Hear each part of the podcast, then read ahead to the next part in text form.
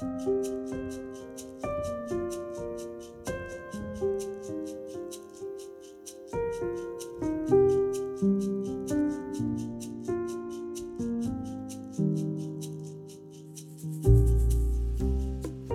er prest i bymenigheten Sandnes. Denne våren har vi kalt vår temaserie for Sprell levende fortellinger.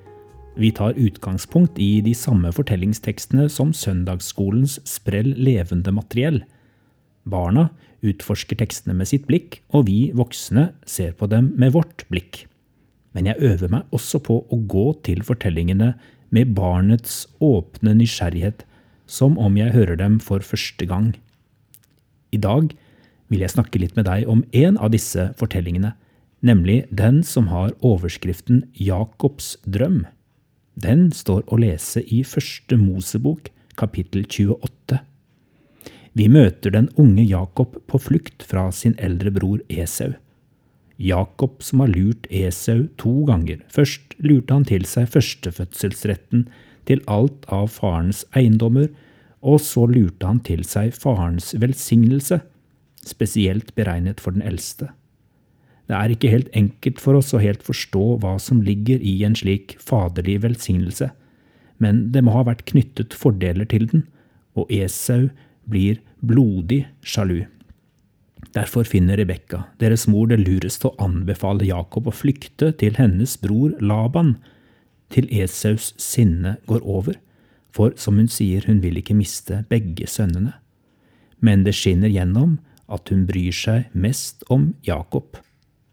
I dag ville vi nok ha brukt ord som dysfunksjonell om denne familien.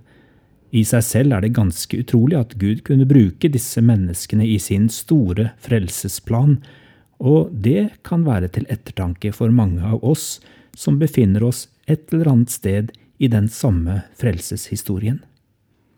I dagens fortelling fra første Mosebok 28 møter vi altså Jakob på flukt, og der ute i ødemarken, på vei til Haran og onkelens hjemsted, så legger han seg ned for å sove, for det er seint. Det er da han får en merkelig drøm som handler om en stige som går rett til himmelen. Er det lenge siden du har spilt stigespill? La meg friske litt på hukommelsen.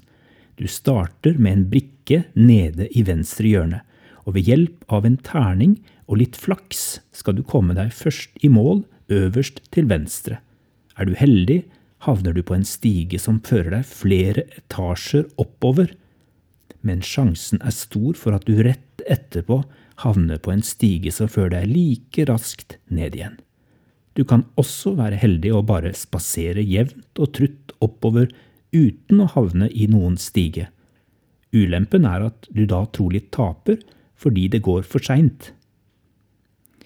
Stigespillet kan være et satirisk speilbilde på livet. Er alt styrt av tilfeldigheter? Handler det om å ha god eller dårlig karma, eller finnes det bare god og dårlig flaks? Får vi som fortjent i dette livet og det neste? I Jakobs drøm så han en stige som var reist på jorden, og toppen av den nådde til himmelen. Hva betydde drømmen? Det vi vet om Jakob, er at han ikke gikk av veien for å spille seg til lykke. Han hadde latt seg overtale av moren til å lure førstefødselsretten fra sin bror, men det viste seg å være et farlig spill av frykt for brorens vrede reiste han langt fra farshuset. Drømmen om stigen snur opp ned på situasjonen. Jakob får et tegn på at hans skjebne hviler i Guds hender. Han er ikke sin egen lykkes smed. Det kommer et himmelsk perspektiv over hans jordeliv.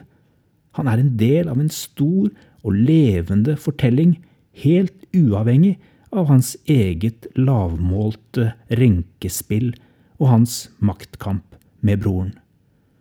Fortsatt har Jakob mye å lære, og han møter mye motstand de neste årene, men møtet med Gud har modnet og forandret ham.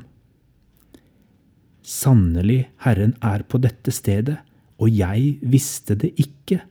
Dette må være Guds hus. Her er himmelens port, sier Jakob i første Mosbok kapittel 28, 16-17.